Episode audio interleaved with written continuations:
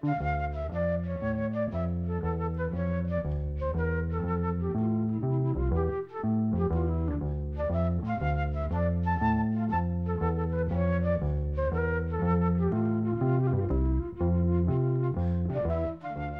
sæl. Börn þekktra tónlistamanna og hvenna eiga það til að feta í fótspór fóreldra sinna með misjaflega góðum árangri. En það verður að segjast eins og vera á konunum hefur yfirleitt gengið betur en körlunum. Við fjöllum um þrjá söngkonur af þessu sinni sem hafa allan áð góðum árangri en gengið misvel á höndla fræðina. Lísa Minnelli er einn þeirra sem hafa fetað í fótspór móðu sinnar Hún er dóttir sönguleikonuna Judy Galland en móður hennar leki kvikmyndum á unglingsárum og varð líka fræg söngkona. En hún átti sannlega ekki sjötaðan að sæla. Judy Galland lest aðeins 47 ára gömul eftir að hafa misnóta áfengi og vímuefni í langan tíma.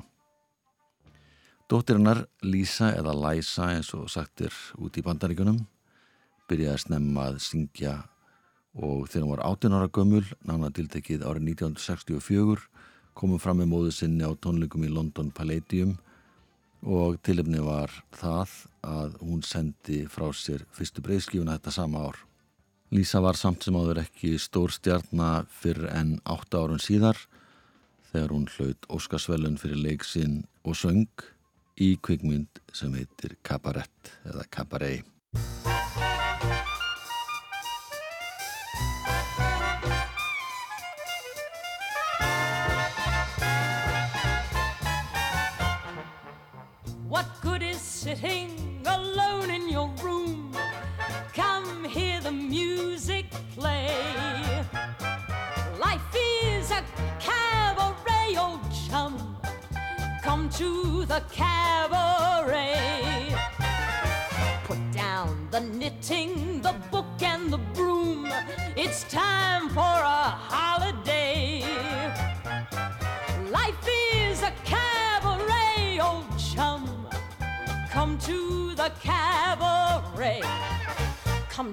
The wine.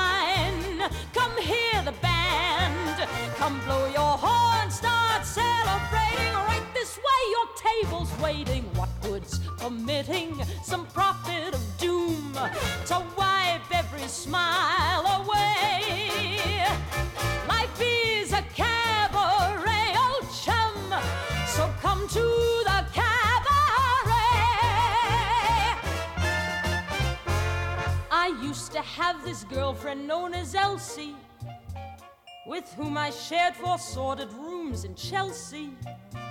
She wasn't what you'd call a blushing flower. As a matter of fact, she rented by the hour. The day she died, the neighbors came to snicker. Well, that's what comes from too much pills and liquor. But when I saw her laid out like a queen, she was the happiest corpse I'd ever seen. I think of Elsie to this very day. I remember how she turned to me and said, What good is sitting all alone in your room. Come, hear the music play. Life is a cabaret, old chum. Come to the cabaret. And as for me, and as for me, I made my mind back in Chelsea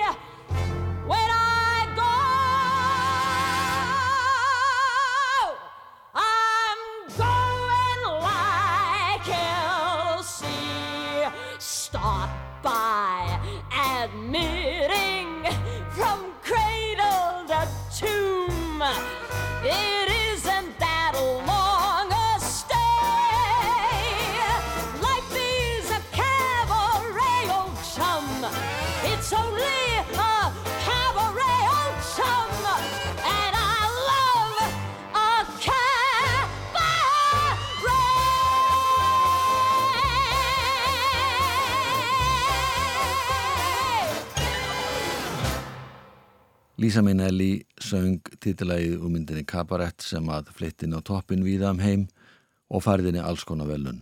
Þetta var árið 1972 og árið setna sendum frá sér blötuna The Singer sem fekk mjög góða viðtökur. Platan seldist vonum framar og lífi virtist blasa við þessari ungu söngkonu. En hún hefur átt við alls konar mótlæti að stríða í gennum tíðina. Nóðum það, við ætlum að heyra hann að syngja eitt þeirra 11 laga sem er að finna á þessari blötu The Singer. Það heitir Use Me og er eftir Bill Withers.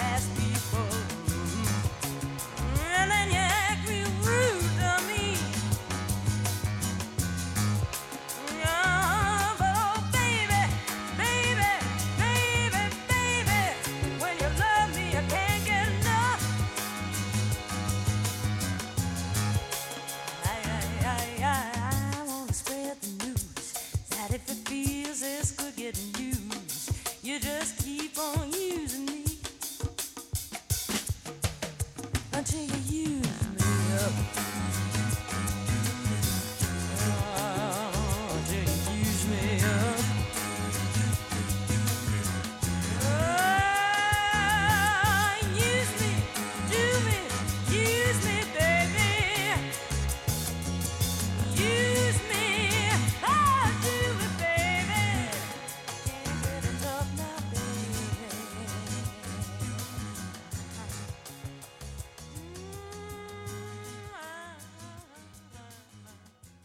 Lisa Minnelli og lagi Use Me eftir Bill Withers, lag sem hún hljóðrið árið 1973. Hún fekk mörg bitastæð hlutverk í kvikmyndum í framaldu af Vinsandum Kabarett en fekk jafnan misjafna dóma aðsóknin var upp og ofan eins og gengur en Lucky Lady sem var frumsynd 1975 gekk einna best. Hún leki í kvikmyndinni New York, New York árið 1977 á móti Robert De Niro og svo bíómynd stóð undir kostnaði og rétt rúmlega það en ekki mikið meira, mjög dýrmynd. Titilag þessara myndar er eftir sömu höfunda og sömdu tónlistana fyrir Kabarett, þá John Kantner og Fred Ebb. Þeir lögðu áherslu á að semja lag fyrir Lísa Minnelli þar sem hún geti spreitt sig og sínt alla sína takta og við ætlum að að syngja lægið New York, New York sem að kom einmitt fram í þessari kvíkmynd.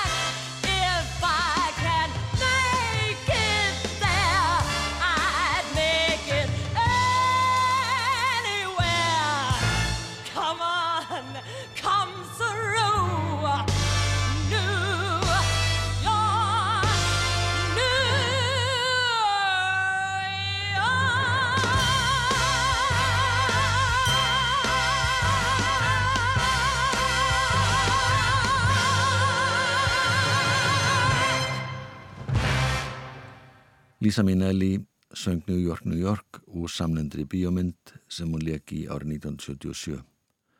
Tveimur án setna var þetta sama lag eins konar enginnislag Frank Sinatra þegar hann hljóður þetta það og auðvitað líku beint við að hlusta þessu næst á Nancy, dóttur Frank Sinatra. Hún fetaði fótspor föðu síns með góðum árangri á sjönda áratögnum en Nancy byrjaði að syngja ofinbella í sjómastætti föðu síns árið 1960 þegar hún var um tvítugt. Árið setna sendi hún fyrstu smáskjúna frá sér. Það var samt sem áður ekki fyrir en í áspyrjun 1966 sem hún var heimsfræg þegar hún flutti lag eftir Lee Hazelwood sem heitir These Boots Are Made for Walking og þetta er eitt af enginnislögum þessa tíma og hefur elst alveg ágætlega.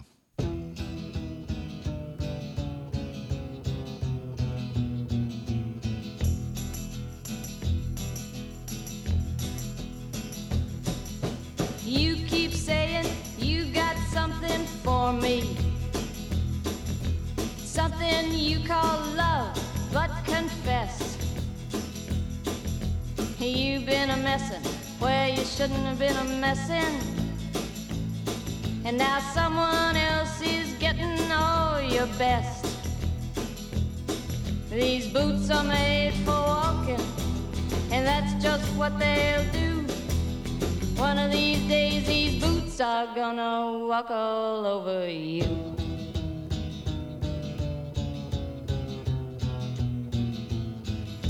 Yeah. You keep lying when you ought to be truthing. And you keep losing when you ought to not bet. You keep saying when you ought to be a changing. Now what's right is right, but you ain't been right yet. These boots are made for walking, and that's just what they'll do. One of these days, these boots are gonna walk all over you.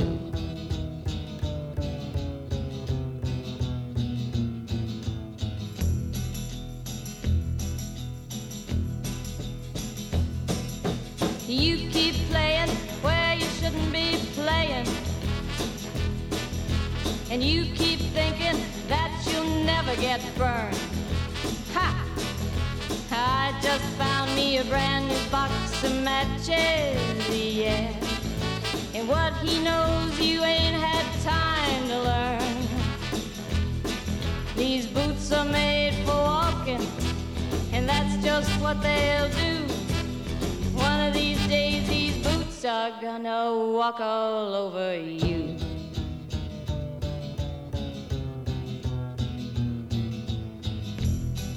Are you ready, Boots? Start walking.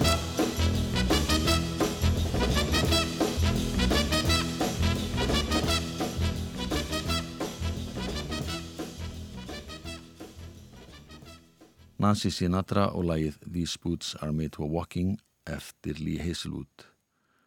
Það var reyndar þannig að hann ætlaði sjálfur að syngja lagið en Nancy sagði að það væri mjög einkennlegt að Karlmaður væri að syngja um stígvel á þessum tíma voru há stígvel sem konunóttuðu mjög vinsæl aðal og leðri þannig að Lee létt undan og þau unnu saman tölvert á þessum árum tóku saman nokkuð lög eins og Summer Wine, það sem sungu duett, Jackson, Lady Bird og Some Velvet Morning, allt duettar með þeim tveimur.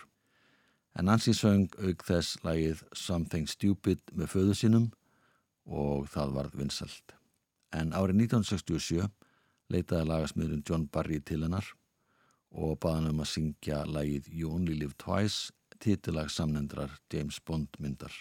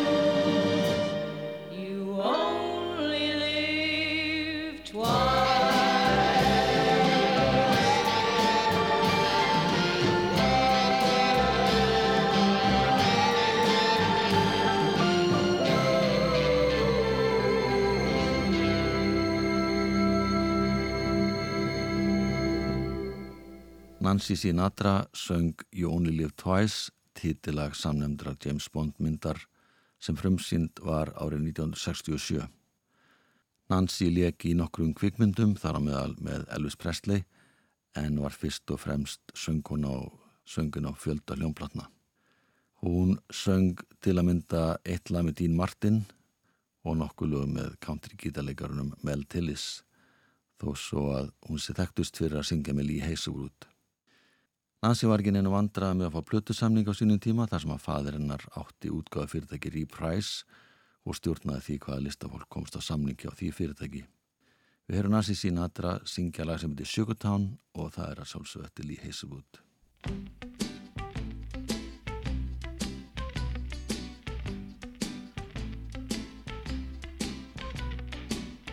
I got some troubles, but they won't last. I'm gonna lay right down here in the grass. And pretty soon all my troubles will pass. Cause I'm in shoo shoo shoo, shoo shoo shoo, shoo shoo shoo shoo shoo shoo, Sugar Town. I never had a dog that liked me some. Never had a friend or wanted. So I just lay back and laugh at the sun. Cause I'm in shoo shoo shoo, shoo shoo shoo, shoo shoo shoo shoo shoo Sugar Town.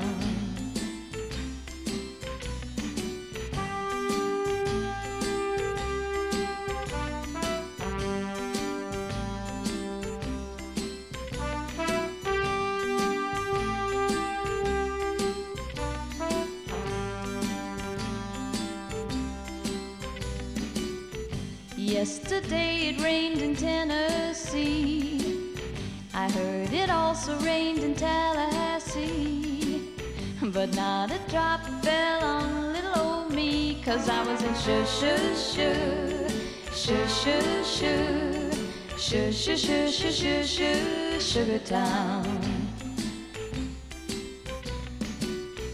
If I had a million dollars or ten, I'd give it to your world and then you'd go away and let me spend my life in shoo shoo shoo, shoo shoo shoo, shoo shoo shoo shoo, Sugar Town.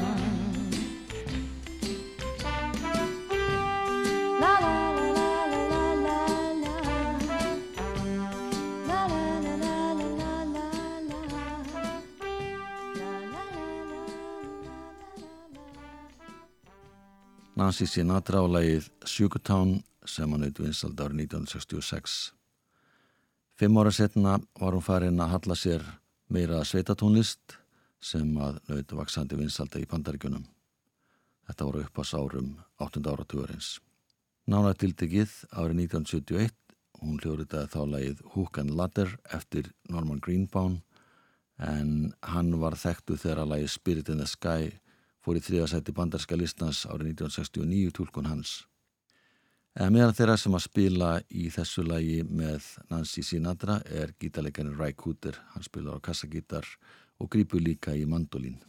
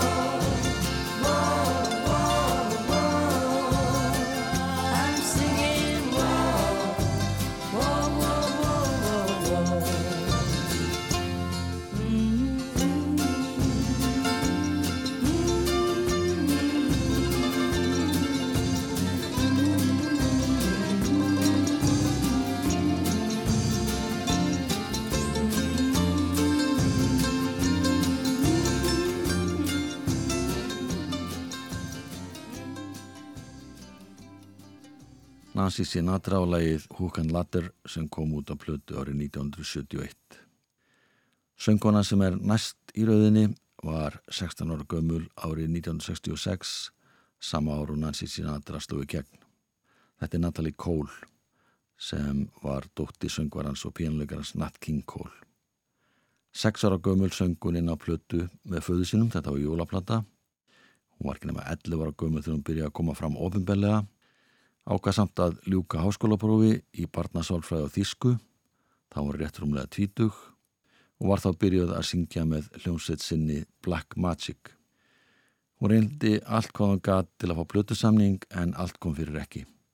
Það var ekki fyrir en yfirmæður hjá Capitol útgáfinni samþykta að leifin að spreita sig árið 1975 að hún áða að sanna sig. Lægið This Will Be kom út á smáskifu og fekk mjög góðar viðtökur.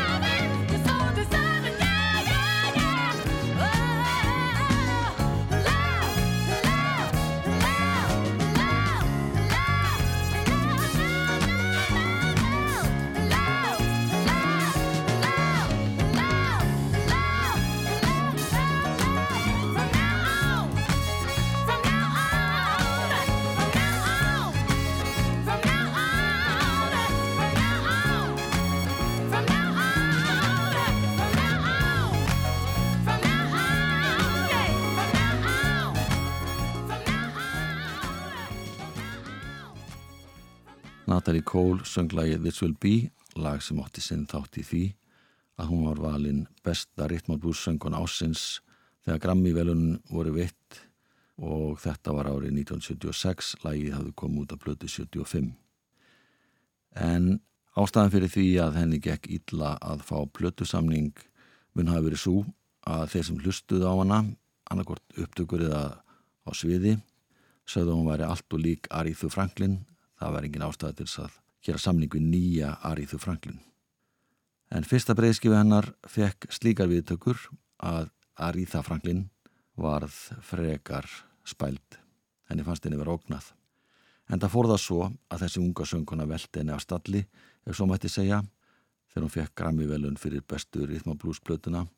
Þessi velun hafði Aríða Franklin fengið átta ári röð, allt þar til að Natalie Cole kom fram á sjónasviðið. Það má segja að Aríða Franklin hafi lagt fæð á Natalíu næstu árin og þær voru aldrei neina sérstakka vinkunur. Önnu breyðski var Natalie Cole náði guddsölu og næstu tvær plötur gengu ennþá betur.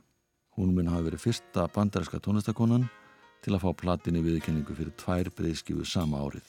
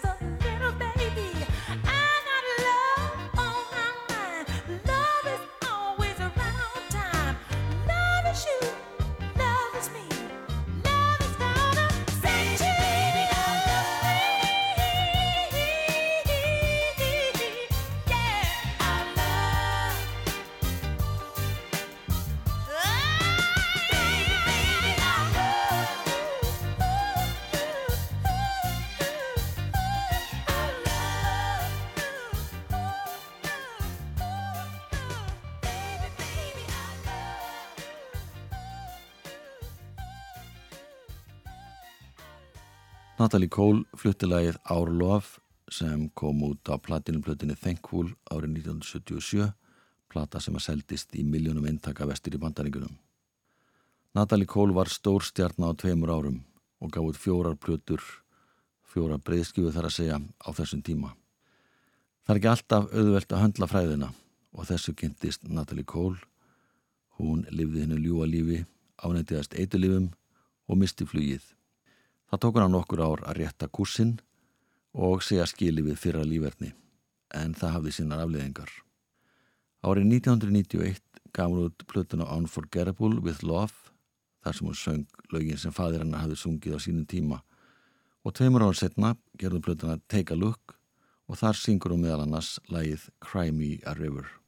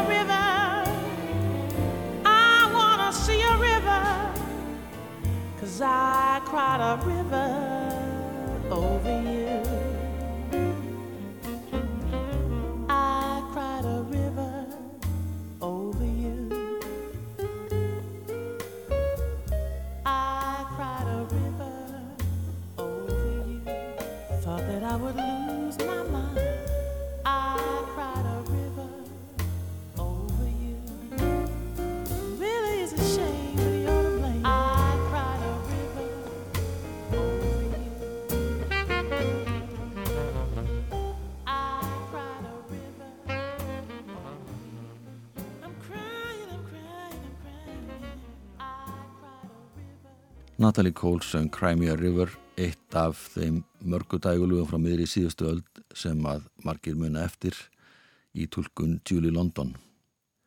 Arthur Hamilton sem samtilagið gerði það fyrir Elu Fitzgerald og það átti að nota þetta lag í kvikmyndinni Pete Kelly's Blues en læginu var hafnað einhver luta vegna og það kom ekki út á plötum Ellu fyrir enn 1961. Julie London hlurða lagi hins vegar árið 1955. Við ætlum að heyra eitt lag til viðbútar þar sem að Natalie Cole syngur með föðu sínum, Nat King Cole. Þetta er ekki upptaka sem þau gerðu saman því hann hlurðaði sinn hluta árið 1951 en Natalie söng sinn part árið 2008. Það voru liðin 44 ár frá því að Nat King Cole lesta völdum krabbamenns rétt tæplega 46 ára gammal. Natalie varð heldur ekki langlýf, hún varð að vísu eldri heldur en fadirinnar, lesta árið 2015, 65 ára gömul af völdum Livrabólgu sé, afleðingar eitthilíða neisnunar, lungu áður. En svona hljóma lagið Walking My Baby Back Home og þar með líku þættinum verðið sæl.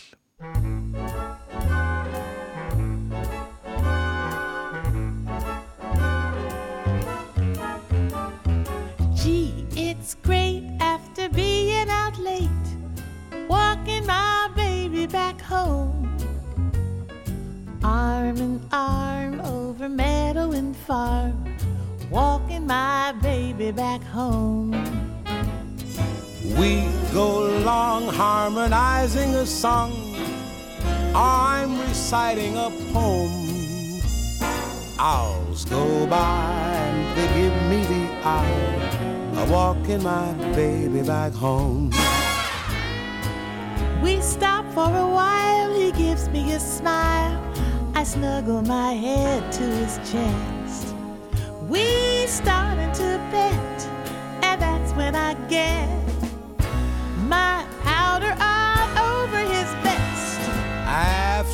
I kinda straighten my tie, she has to borrow my comb. One kiss, then we continue again. I'm walking my baby back home.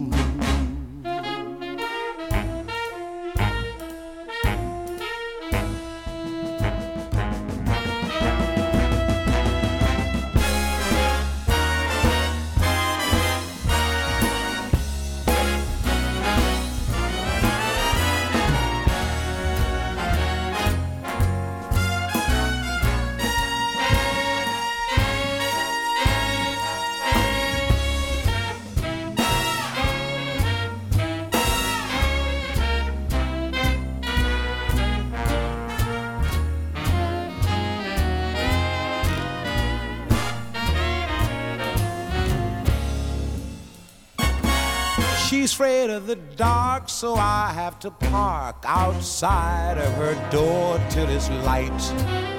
Now I say if he tries to kiss me, I'll cry. I dry her tears all through the night, hand in hand to a barbecue stand. Right from her doorway we roam. Eats and then it's a pleasure again. I walk in my baby, I talk in my baby, I love in my baby. I don't mean maybe, walk in my baby. Bye.